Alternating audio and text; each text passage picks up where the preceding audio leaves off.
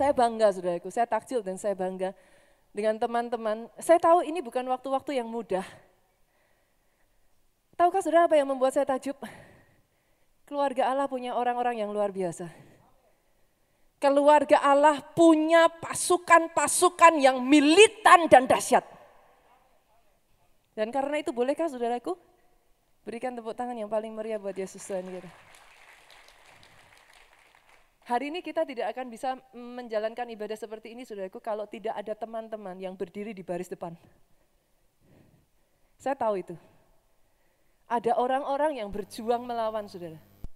Kadangkala sudah tahu, teman-teman ini ya, saudara, mereka melakukan semuanya ini, mereka melayani seperti ini, saudaraku. Karena terbatasnya jumlah, saudara, dengan keadaan yang sekarang ini.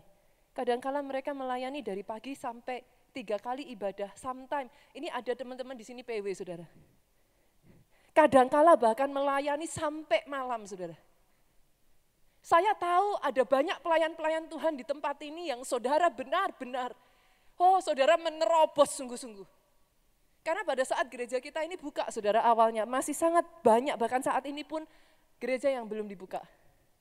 Gak gampang loh saudaraku. Seperti kayak menentang arus saudara. Belum banyak teman-teman kita yang sudah kembali, sudah. Saudara termasuk dari orang-orang yang benar-benar berjuang bersama-sama. Saya tahu ada teman-teman, oh saya benar-benar kalau saya bisa mengatakan saudaraku, bahkan teman-teman yang ada di rumah, mereka tidak diam loh saudara. Dalam keadaan seperti ini ada banyak keadaan yang membuat kita, saya tahu itu saudaraku. Tidak semua sudah bisa beribadah kembali. Kadang ada keterbatasan-keterbatasan. I know that, I understand that. Tapi tahukah saudara, teman-teman di rumah, mereka bukan do nothing loh saudara.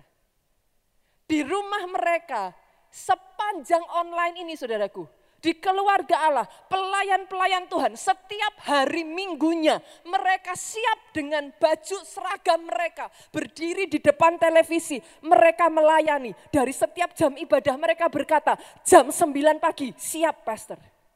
Jam sekian siap pastor. Mereka kirimkan foto-foto bagaimana di tempat mereka masing-masing. Mereka nggak pakai piyama tidur saudara.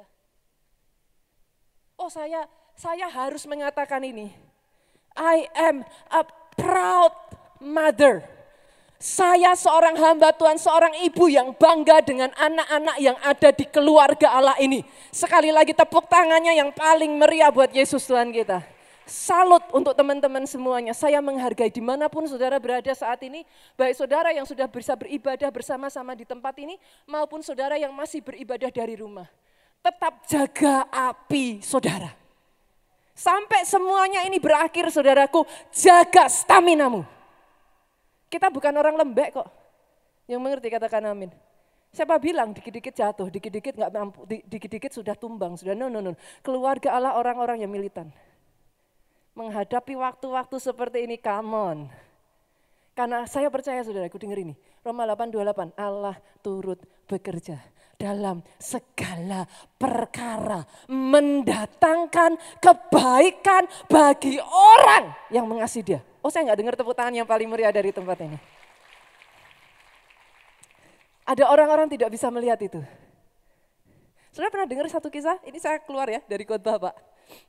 Satu ketika ada orang yang disebut si bapak ini disebut Bapak Roma 828, saudaraku.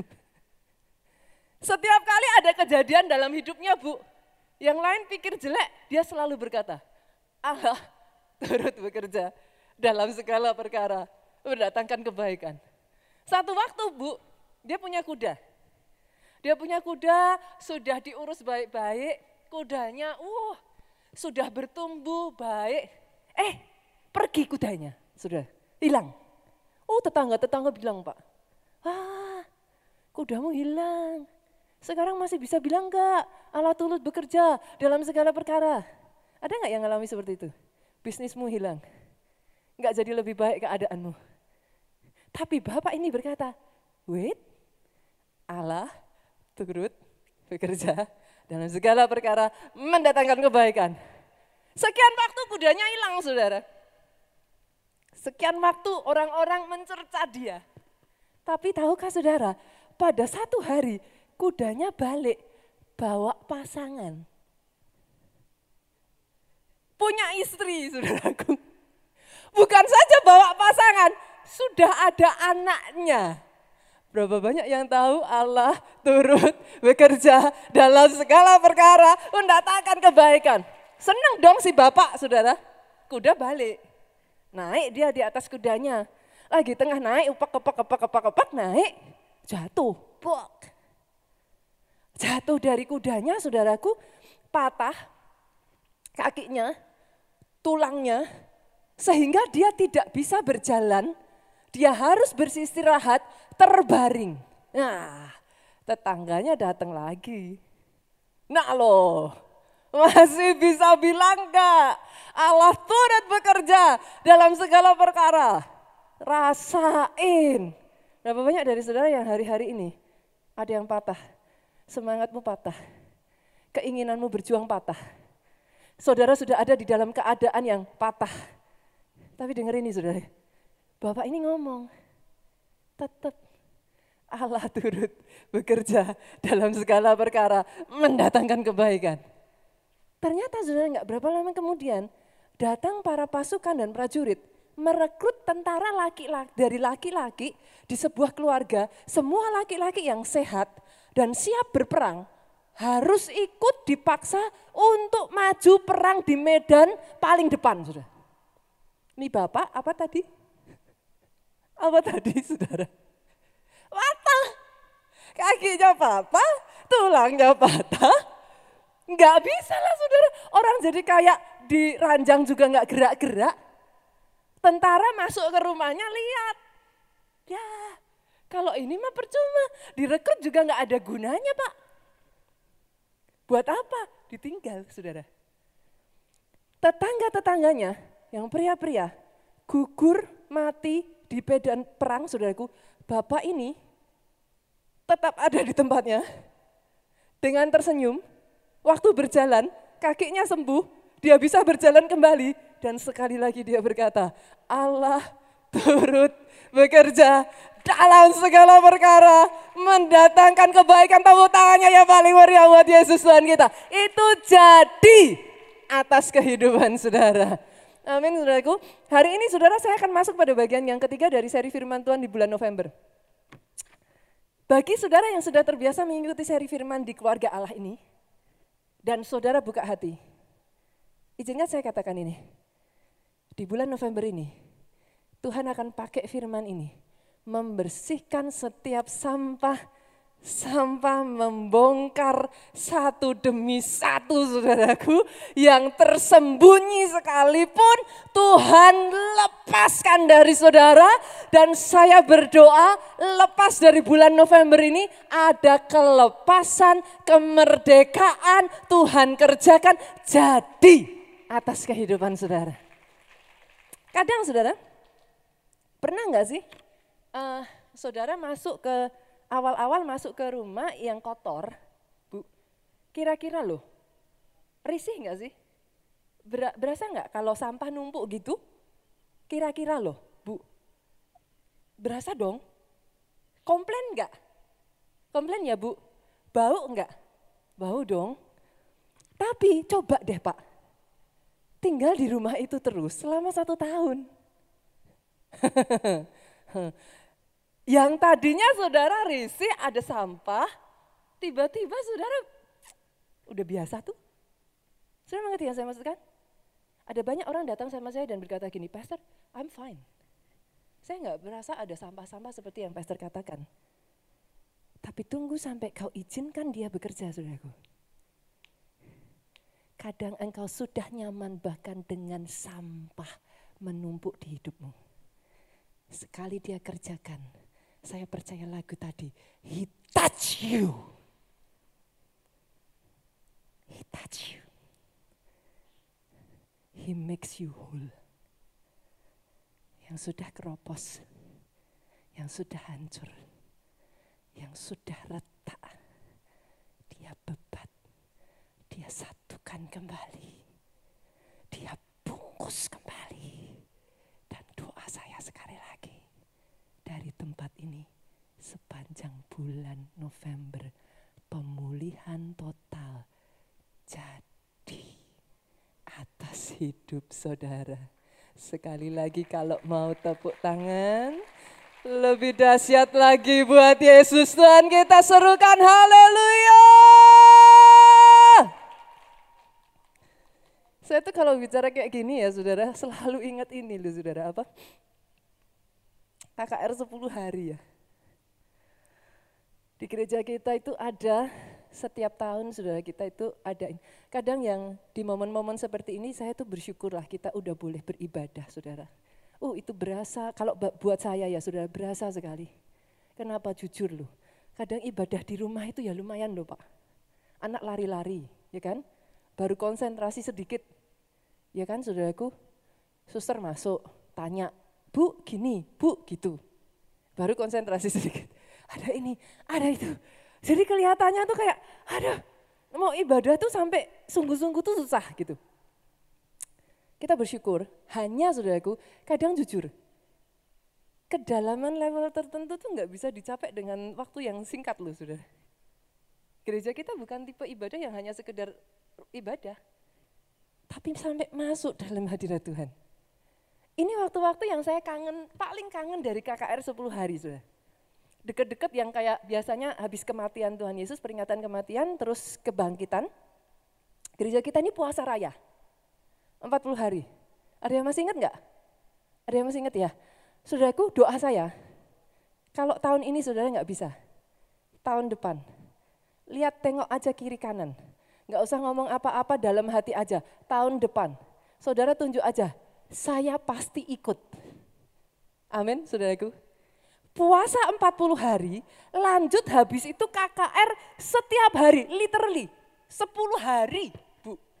Banyak yang kalau nggak ngerti gini, Pastor, itu ngapain? Puasa 10 hari. Saudara yang belum terbiasa ataupun saudara yang ada dari luar mungkin dengar ini saudara gini, ini gereja gila kali ya.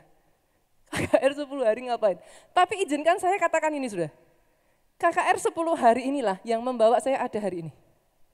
Bertahun-tahun yang lalu, saudaraku, di kota Solo, saya yang masih kecil, saya yang masih remaja, ikut KKR ini. Every single day. Gak pernah ada hari tanpa manifestasi. Loh, bukan masalah manifestasinya loh, saudara. Do, do, do not mistaken me gitu.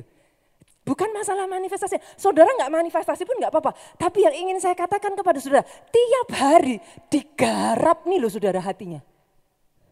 Saya tuh masih ingat satu ibu ya saudara. Dia cerita, yang lain manifestasi ya wajar lah ya kalau guling-guling itu masih masuk ya saudara ada rolling gitu kan saudaraku. Ada juga yang kalau ketawa apa namanya Pak? Apa? Holy laughter. Kita udah terbiasa juga atau didoakan tumbang ya kita sering lihat. Ini ibu saudara didoakan main layangan saudaraku. Lah semuanya bingung. Loh apakah ada jenis manifestasi yang baru? Gitu. Didoakan tahu-tahu dia bisa begini saudara. Dia bisa begini saudaraku. Ibu ini sendiri jujur saudaraku. Waktu dia munculnya manifestasi kayak begitu, dia malu. Tapi dia tahan, nggak bisa saudara. Ini tangan begini terus. Dan semakin dia ikuti dorongan roh kudus, dia semakin bersuka cita, dia lakukan begini. Sampai titik tertentu saudaraku, dia tuh tanya sama Tuhan, aku ini ngapain tuh Tuhan?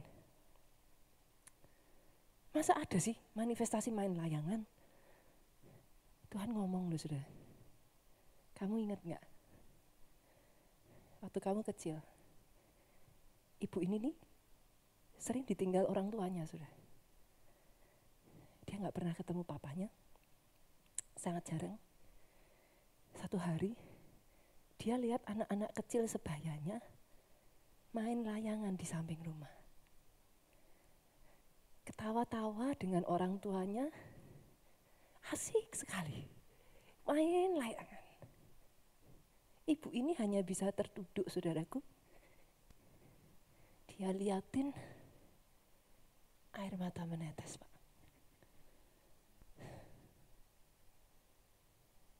Dia lupa loh, saudara.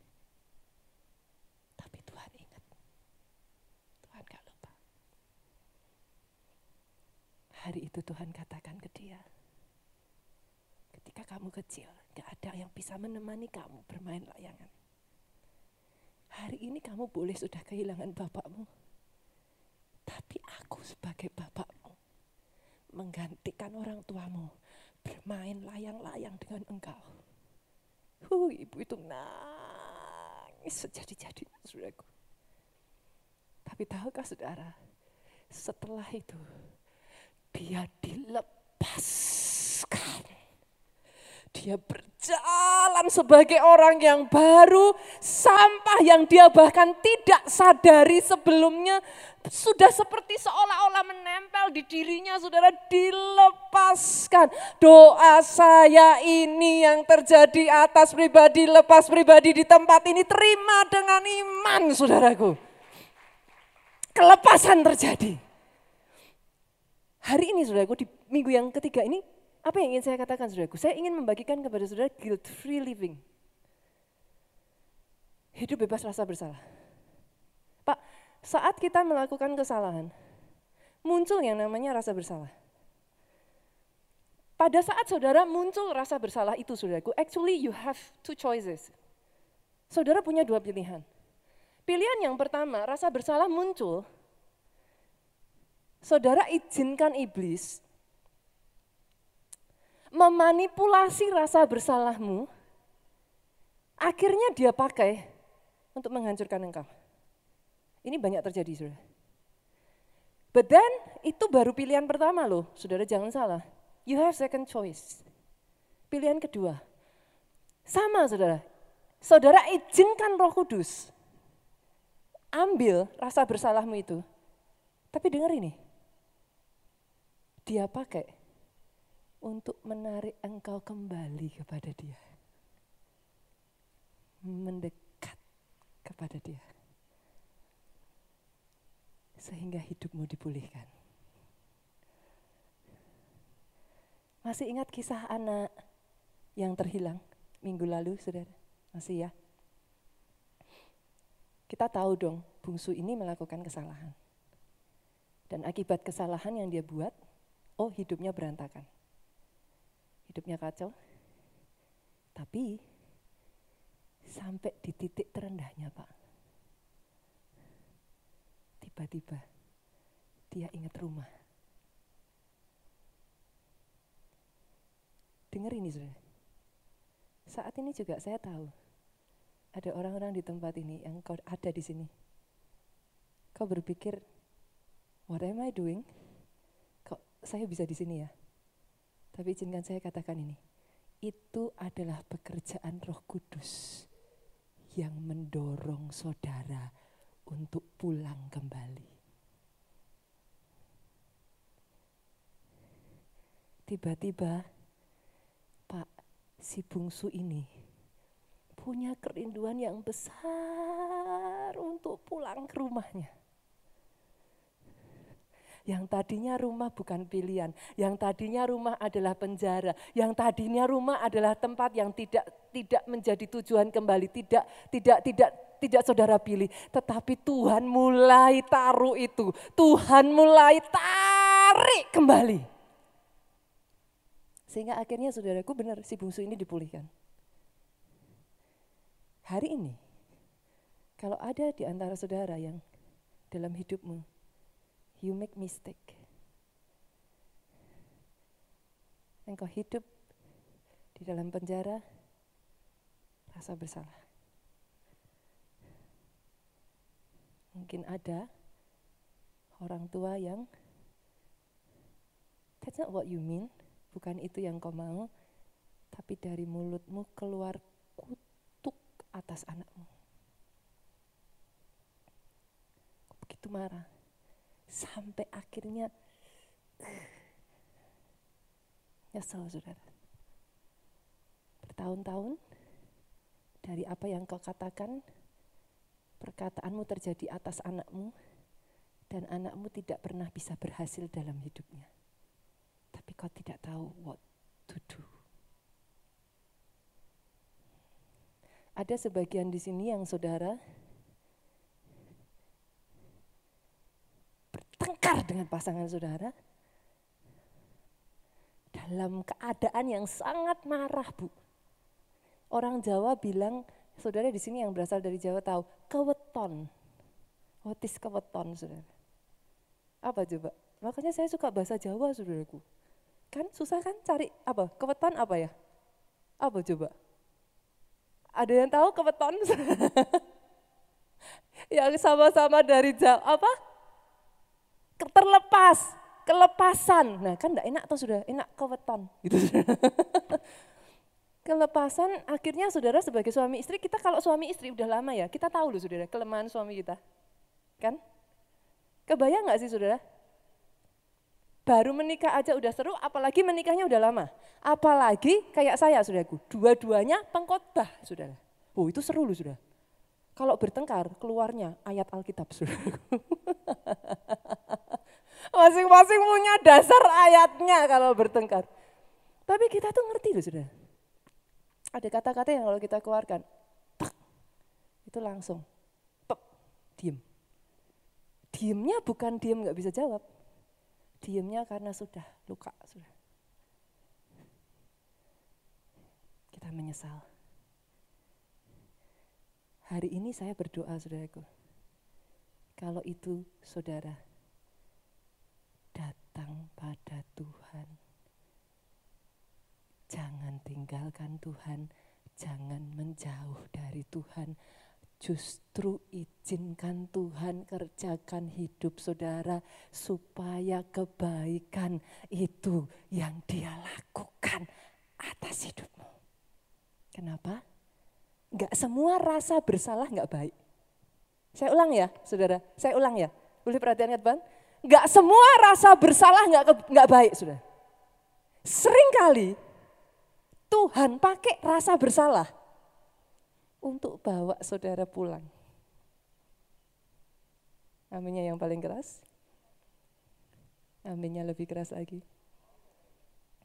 Itu sebabnya hari ini, saudaraku, ambil keputusan untuk mengizinkan Roh Kudus mengambil rasa bersalah saudara, mengerjakannya sehingga dia bisa memulihkan hidup Saudara, ambil keputusan tidak lagi hidup dalam rasa bersalah terus-menerus.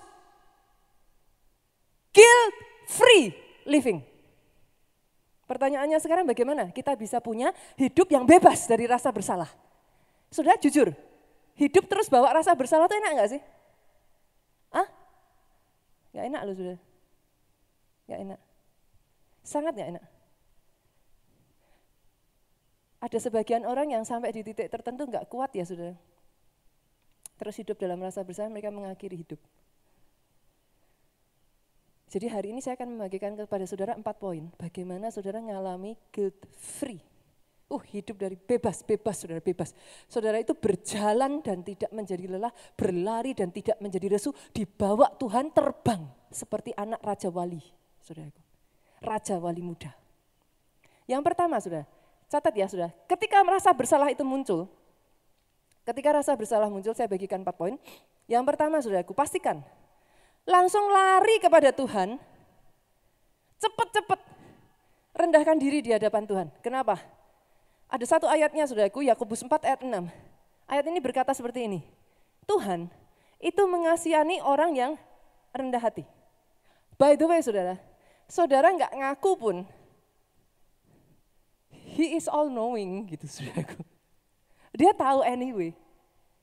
Dan ada satu ayat ini saudaraku, Mazmur 103, ayatnya yang ke-14. Boleh multimedia bantu saya? Saya tuh terharu sekali dengan ayat ini. Tahukah saudara, Tuhanmu itu tahu siapa saudara. Dia sendiri tahu apa kita. Dia ingat, kita ini debu pak. Jadi dia itu nggak expect saudara untuk perfect without mistake. No. Dia tahu, Pak. Dia yang pegang debu tanah kotor itu kok. You are who you are karena dia hembuskan nafasnya. Ingat ini baik-baik, Saudara. That's why I always say, you are not your body.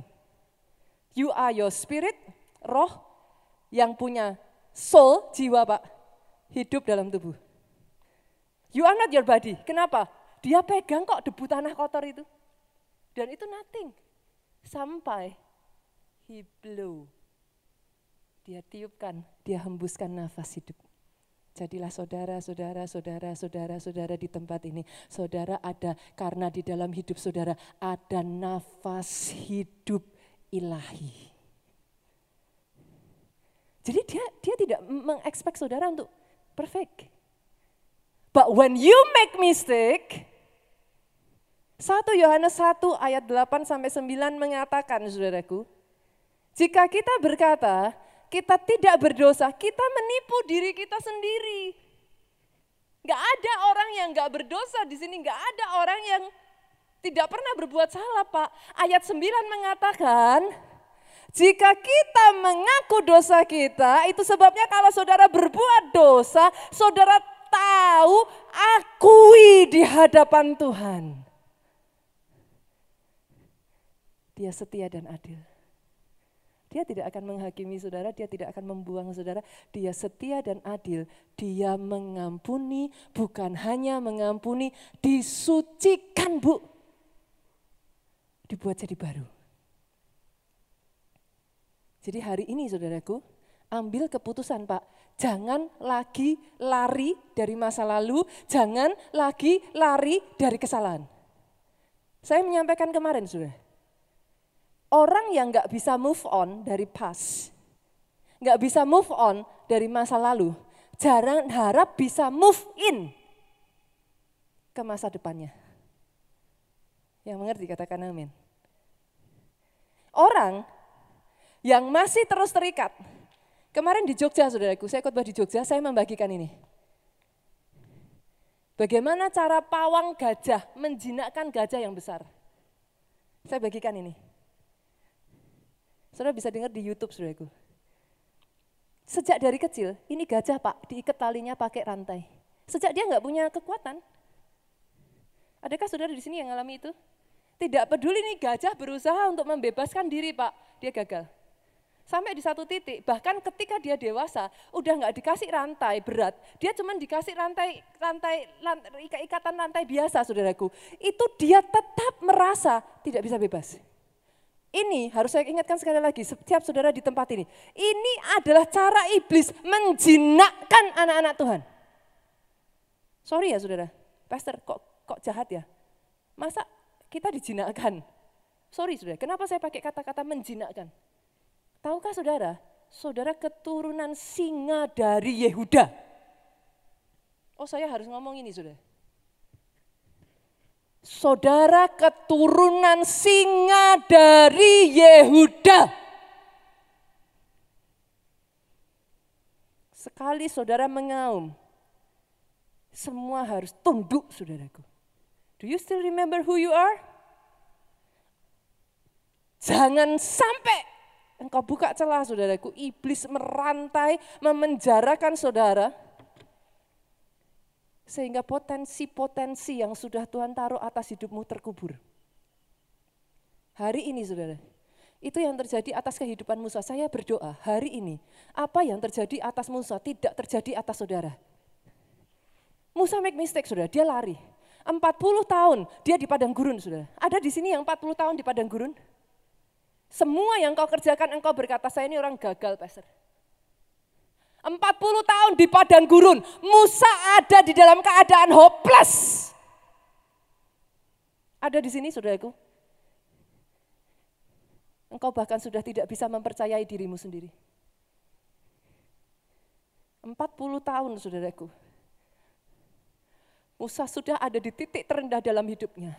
Dia berkata, my life is over. Habis Pak. Bolehkah saya katakan ini saudaraku? Ini yang paling saya sukai dari Tuhan saya. Ini yang membuat setiap kali saya ditanya, saya akan selalu mengatakan ini. Saya hanya seorang wanita biasa yang berhutang besar kepada Tuhan saya. Kenapa saya katakan itu Pak? Di titik terendah saya. Ketika orang lain menganggap saya sampah, sudah. Saya nggak dilihat, nggak dipandang sebelah mata. Saya bahkan sudah menyerah dengan hidup saya. Beberapa kali saya pernah ketika saya masih kecil ingin mengakhiri hidup saya, sudah. Di titik terendah saya, Bu.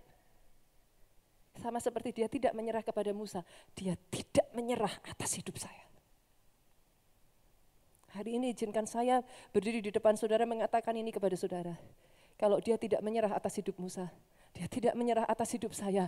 Dia belum selesai atas hidup pribadi, lepas pribadi, lepas pribadi. Di tempat ini boleh saya dengar aminnya yang paling keras, saudaraku. Tepuk tanganmu yang paling meriah. Dia belum menyerah atas hidupmu. I don't care apa yang saat ini kesalahan yang kau buat dengar ini. Kesalahan dan dosamu tidak cukup besar untuk menggagalkan rencananya. Oh aminnya kurang keras. Itu sebabnya saudaraku, lari kepada dia. Dia satu-satunya, he is the only creator. Pencuri, hanya mencuri, membunuh, membinasakan. Kalau saudara lari kepada dia, hidupmu hancur saudara. Please don't do that. The creator will take you. Bahkan ketika saudara sudah hancur, ketika sudah tidak ada seolah-olah yang tersisa dari hidupmu. He can take it and make you whole. Dia buat jadi baru kembali Pak. Dia jatuhkan kembali setiap bagian-bagian yang sudah hancur Pak. Karena di matanya saudaraku, you are precious. Di matanya saudara itu bukan orang hina, bukan sampah. Kenapa saudara? Dengan nyawa putranya dia tebus saudara. Ingat ini saudaraku. Itu sebabnya saudaraku, langkah yang berikutnya. Hiduplah. Kalau saudara sudah datang kepada dia. Hiduplah saudaraku, mulailah komit bertobat. Tinggalkan, tinggalkan, tinggalkan, tinggalkan. Jangan tetap ada di masa lalumu, jangan terus ada di dalam dosa. Tinggalkan. Jangan jadi orang Kristen tomat, Pak. Apa itu, saudara? Hari ini tobat, besok kumat, saudaraku. Jangan jadi orang Kristen tomat, no. Jadilah orang Kristen yang menghasilkan buah-buah sesuai dengan pertobatanmu. Terjadi dalam nama Yesus. Pribadi lepas pribadi di tempat ini bukan hanya dengar firman. Tapi ketika saudara berjalan, saya lihat buah demi buah, Pak. Oh, muncul buahnya lebat. Bukan hanya pohon yang kalau Yesus lihat nggak ada buahnya. Tapi dari tempat ini, uh, orang bisa melihat ada Yesus dalam hidupmu orang bisa merasakan perkataanmu beda. Orang bisa melihat caramu bekerja beda, caramu bersikap beda. Dari situ Tuhanmu dipermuliakan. Boleh saya dengar tepuk tangan yang paling meriah buat raja di atas segala raja? Yang ketiga, saudaraku, yang ketiga. Stop. Stop dengar dakwaan. Tahukah saudara, Sakaria 3 ayat 1 itu ngomong kayak gini saudaraku. Kita buka ya. Ternyata sama dengan pengadilan dunia saudaraku. Di sana itu, kemudian ia memperlihatkan kepadaku imam besar Yosua. Yosua itu namanya saudaraku punya akar nama yang sama dengan Yesua. Siapa Yesua? Ya, oke. Okay. Jadi kata nama Yosua itu artinya sama persis dengan Yesua. Yosua berdiri di hadapan malaikat Tuhan, sedang iblis berdiri di sebelah kanannya mendakwah. Sadari ini saudara, dalam kehidupan ada pendakwah, tapi ada pembela. Sepakat ya? Sepakat ya? Pertanyaan saya, anak Tuhan, mana yang lebih saudara dengar? Ayo, yang benar nih yang benar. Masalahnya ya Pak, jujur loh Pak, saya tuh kadang bingung loh sama anak Tuhan. Yesusnya mau bela kok pendakwanya ngomong saudara gini. Loh yang benar aja toh saudara. Lah yang mana pembelanya, mana pendakwanya. Ingat ini sudah. stop. Stop, stop, stop, stop, stop, stop, stop. Hapus saudaraku, jangan terus mendengar. Karena gini saudara,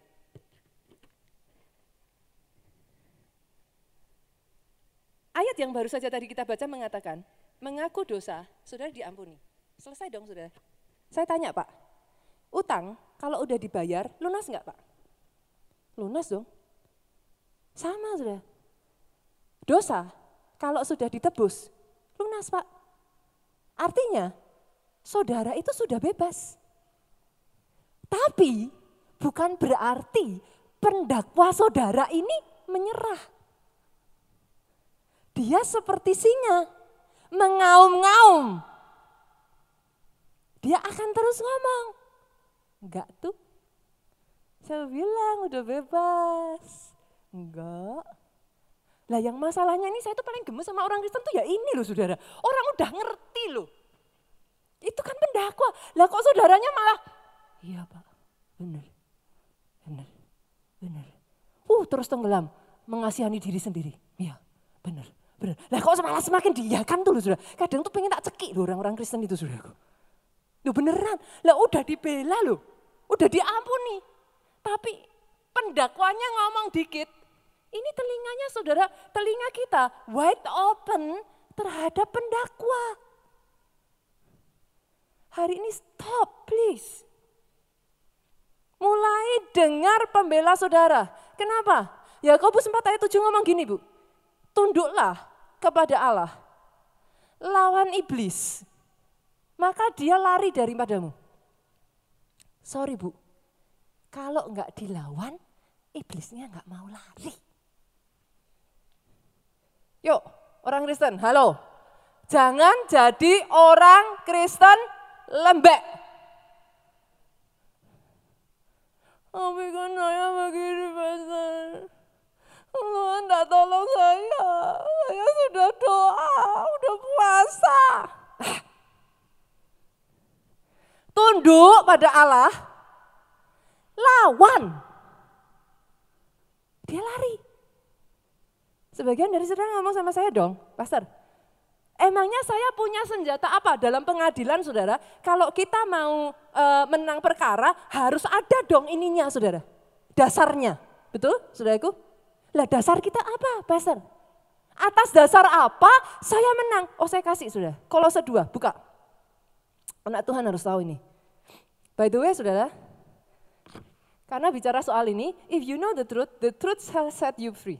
Kalau saudara tahu kebenaran, Kebenaran akan memerdekakan saudara. Masalahnya tahu nggak Pak eh, kebenarannya? Tahun ini 2020 awal saya ngasih keluarga Allah PR. Ada yang ingat? Ada yang ingat nggak? Ayo, ayo sibuk soal corona atau saudara lupa PR-nya atau? Ada ingat yang ingat PR-nya nggak Pak? Apa? Apa sudah? Ah, tuh langsung. Luar biasa Pak Anton, soundman kita langsung keluarin Alkitabnya, sudah. Selesaikan apa? Satu pasal? Hah? Satu kitab? Apa saudara PR-nya? Saya cekik satu-satu loh. apa ayo? Ini udah bulan November tanggal 15 tuh. Saudara cuma punya waktu satu bulan setengah. Ya, yuk kau, jangan sibuk terus dengan corona, saudaraku. Selesaikan ayat-ayat di dalam Alkitab. Kenapa? Dua, Kolose sedua, saya bacakan buat saudara. Kamu juga, meskipun dulu kamu mati oleh pelanggaranmu, dulu memang mati saudara. Memang kita ini melakukan pelanggaran. Yes, you make mistake. Tapi ingat ini, telah dihidupkan Allah bersama dengan dia. Pada saat Yesus mati, Yesus bangkit, saudara ikut dihidupkan. Oke ya, saya lanjut ya. Saya lanjut ya. Telah dihidupkan Allah bersama dengan dia sesudah ia mengampuni segala pelanggaran. Oke, hari ini boleh nggak sih saudara kalau pendakwanya ngomong, saudara bilang, shut up. Pastor kok ngajarin kasar? Loh kalau sama pendakwa biarin saudara. Diam, shut up. Aku sudah diampuni pelanggaranku, katakan amin yang paling keras. Dan selanjutnya apa sudah dengar ini? Dengan menghapus surat hutang. Halo, surat hutangmu sudah dihapus dan itu ditiadakannya dengan memakunya pada kayu salib. Oh, saya berdoa hari ini anak-anak Tuhan dengan keberanian bangkit berdiri katakan pada pendakwamu, shut up. Diam, jangan ikut-ikut. Dia sudah menghapuskan, dia sudah meniadakan surat hutang. Sudah. Yang perlu saudara lakukan, dengar ini. Terima dengan iman. Langkah keempat. Kasih karunia itu mengalir. Oh saya tahu ada orang-orang di sini ya, saudaraku dari tadi berusaha nahan nangis. Saudara tahu kok yang saya katakan ini. Bahkan untuk engkau mengampuni dirimu sendiri, nggak usah pakai pendakwa. Untuk engkau mengampuni dirimu sendiri, susah. Rasa bersalah itu terus menekan engkau, sudah. Engkau bahkan tidak bisa. Engkau merasa ketika apa yang kau lakukan, saya nggak tahu ini kenapa saya dituntun begini, sudah. Ada orang di sini yang karena kesalahanmu, engkau menyebabkan seorang meninggal. Bahkan hanya untuk tersenyum dan tetap hidup, engkau merasa bersalah. Saya nggak tahu ini ada di mana ini. Kalau ada orang yang merasa seperti yang saya katakan ini, dengar baik. Hutangmu sudah dihapuskan. Terima dengan iman. Kasih karunia itu. Saudara Coba ya, pemain musik boleh maju ke depan. Saya ajak saudara pikirkan ini ya, kita renungkan sama-sama ya. Memangnya yang bikin salah dari murid-murid Yesus itu cuma Yudas, saudara. Coba, yuk sama-sama kita renungkan ya. Apakah yang bikin salah itu cuma Yudas? Kita tahu Yudas bikin salah. Pak, tapi apa cuma Yudas pak? Petrus nyangkal loh saudara. Come on. Thomas nggak percaya, dia ngomong, sebelum kucucukkan jariku ke lubang di tanganmu, aku nggak akan percaya. Loh memangnya cuma Yudas yang bikin salah? Murid-murid yang lain lari. Lah, lah lengkap sudah saudara. Saudara mengerti yang saya maksudkan? Loh memangnya cuma Yudas pak yang bikin salah? Mereka sepakat bersalah semuanya. Tapi saya, saya, oh hari ini saya berdoa ya saudaraku, saudara mengerti kebenaran ini. Mereka yang lain saudaraku, Petrus, menyerahkan rasa bersalahnya kepada roh kudus. Mengizinkan roh kudus mengerjakan hidupnya. Petrus itu bukan bersalah, cuma nyangkal Yesus loh saudara. Saudara harus tahu itu. Bahkan setelah Yesus bangkit, dia cari Petrus. Masih ingat kejadian itu saudara? Petrus, apakah kamu mengasihi aku? Ingat kata-kata itu? Dalam bahasa aslinya, Petrus, apakah kamu agape aku? Itu kalau bahasa Indonesia nggak ketahuan, sudah. Dalam bahasa aslinya, Petrus masih berani jawab Yesus kok. Yesus, aku filia engkau. Yesus tanya lagi dong, Petrus, apakah kamu agape aku? Sudah tahu agape dan filia ya? Agape itu kasih tanpa syarat. Filia itu kasih persaudaraan. Petrus masih jawab lagi, Yesus kau tahu, aku filia engkau. Yesus tanya ketiga kalinya sudah, Petrus, apakah engkau agape aku? Dengan sedih Alkitab mencatat, Petrus tertunduk dan dia berkata, engkau tahu Tuhan, aku filia engkau. Uh, itu itu Petrus hancur loh saudara. Saudara masih punya muka setelah menyangkal? Saudara mengerti perasaan Petrus saat itu ketika menjawab Yesus? Is that what you do to him? Jatuh bangun, jatuh bangun dosa sampai kau tidak punya kekuatan lagi untuk berjuang mengalahkan dosa. Petrus dalam rasa bersalahnya dia berkata, Yesus aku willing engkau, kau tahu. Aku sudah menyangkal engkau punya muka apa aku untuk bilang aku agape engkau. Tapi Petrus tidak menyerah dengan rasa bersalahnya. Dia datang kepada dia lari kepada Tuhannya saudaraku. Sehingga di akhir hidupnya dia mengikat pinggangnya. Nah, kita pencatat saudaraku. Petrus punya kesempatan lari saudara pada saat itu. Yes, Petrus memilih mengikat pinggangnya. Dia menghadapi kematiannya saudaraku. Dan dia meminta disalib terbalik. Karena dia berkata, aku tidak layak mati seperti Tuhanku.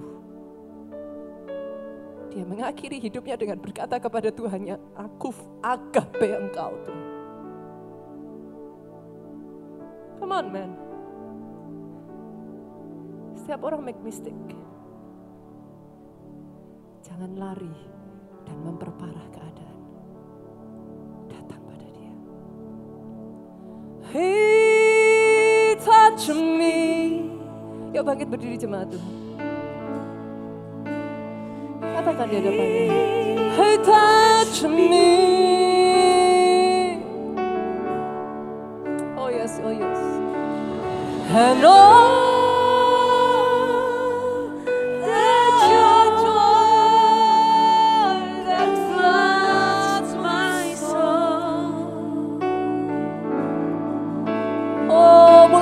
saudaraku, terima saudaraku. Terima itu di dalam rohmu. Pengampunannya mengalir. Kasihnya mengalir. He touch me.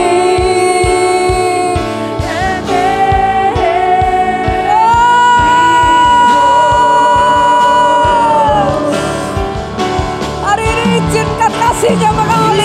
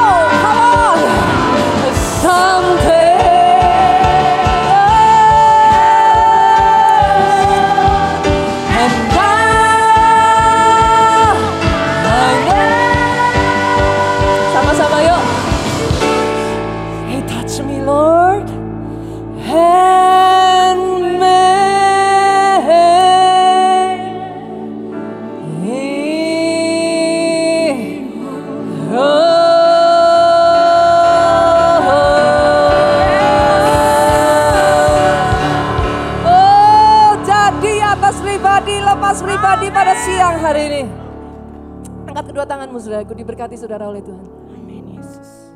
Diberkati keluargamu. Kau pulang dari tempat ini ya, saudaraku. Oh, something happen. Tiba-tiba kau bisa bernyanyi lagi. Tiba-tiba ada sukacita lagi. Tiba-tiba ada gairah lagi. Oh, tiba-tiba api yang tadinya sudah padam kembali menyala lagi. Oh, tiba-tiba ada semangat untuk berkarya kembali dalam kehidupanmu. Diberkati apa yang dikerjakan tanganmu dibuatnya berhasil. Usahamu, pekerjaanmu, studimu dibuatnya berhasil. Bahkan atas hidupmu saya berdoa saudaraku, masa depan gilang gemilang. Umur panjang. Oh yes, umurmu panjang. Umurmu panjang. Umurmu panjang. Engkau sehat sesehat-sehatnya. Diberkati pelayananmu. Pemberitaan Injilmu ya Tuhan. Pulang dengan membawa sukacita, damai, sejahtera Allah Bapa. Cinta kasih Yesus Kristus. Persekutuan dengan rohnya yang kudus. Sekarang sampai selama-lamanya yang diberkati katakan. Amin.